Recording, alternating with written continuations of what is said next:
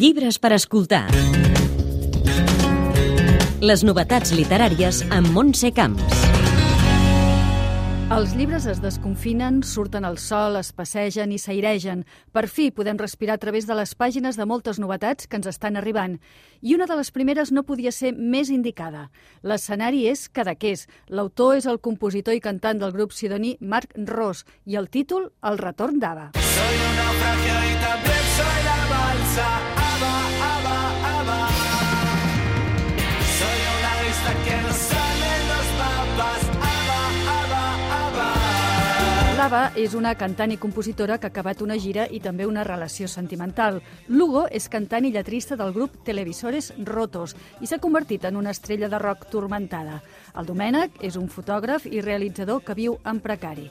Tres personatges per una història coral que suposa el debut literari de Marc Ros. Els he donat el pas cap a la novel·la perquè els meus personatges tinguessin més eh, llibertat de moviments i perquè tinguessin aquest espai de quotidianitat que en una cançó eh, que deu tenir 150-200 paraules no acostumen a tenir. Un personatge en una cançó no té temps per anar al lavabo. En canvi, en una novel·la sí que el té. Jo tenia aquests tres personatges, que són l'Ava, el Lugo i el Domènec, i necessitava més, més recorregut per ells. Sé, buscas el calor de un largo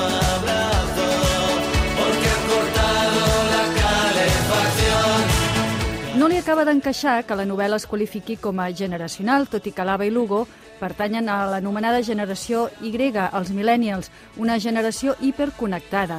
I el Domènec pertany a la X, és més gran i es resisteix a fer servir tecnologies totalment digitals. Tots tres personatges es troben a Cadaqués, que és l'altre gran protagonista de l'obra que té un clar to nostàlgic.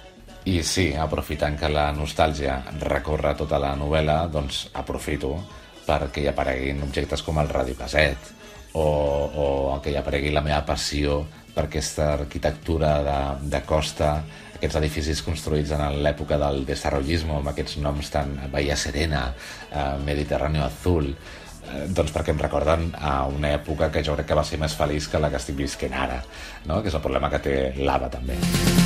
Ellos son lo peor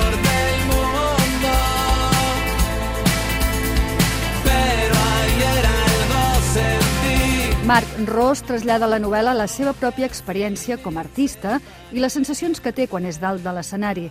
Per això hi introdueix un concepte, l'altre, escrit amb mà majúscula.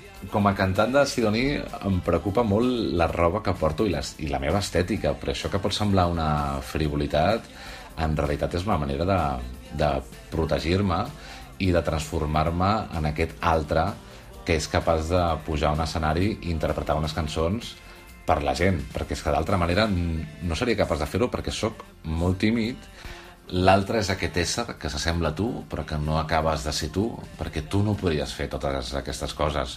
Eh, I és aquell que es puja a un escenari, que sembla que té superpoders, quan en realitat fora de l'escenari és una persona miserable com qualsevol altra. El retorn d'Ava forma part d'un projecte que inclou el llibre i un disc que finalment sortirà al setembre i no al juny, com estava previst. De moment ja s'ha avançat la cançó i vídeo gravat a Cadaqués Me llamo Ava, que ja es pot veure i escoltar a totes les plataformes. Un projecte que ha suposat un gran esforç per Marc Ros, que ha fet el pas a la literatura amb bona nota. L'escriptor té l'última paraula.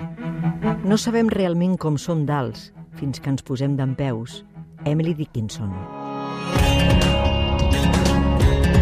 Llibres per escoltar. Les novetats literàries amb Montse Camps.